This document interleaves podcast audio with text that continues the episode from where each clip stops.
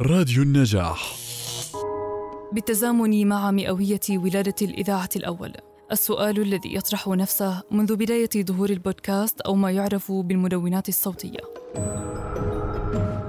هل انتهى زمن البرودكاست وبدأ زمن البودكاست؟ وهل ستستمر الإذاعة في ديمومتها؟ تعرف الإذاعة اصطلاحاً على أنها وسيلة اتصال صوتي تتم عبر موجات الراديو كما أنها وسيلة لبث المعلومات ونقل الأخبار والبرامج المختلفة للجمهور.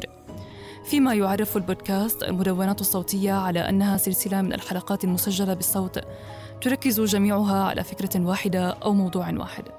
كما يمكنك الاستماع إليه عن طريق الاشتراك بأحد التطبيقات على هاتفك الذكي لتستمع إليه في الوقت الذي يناسبك.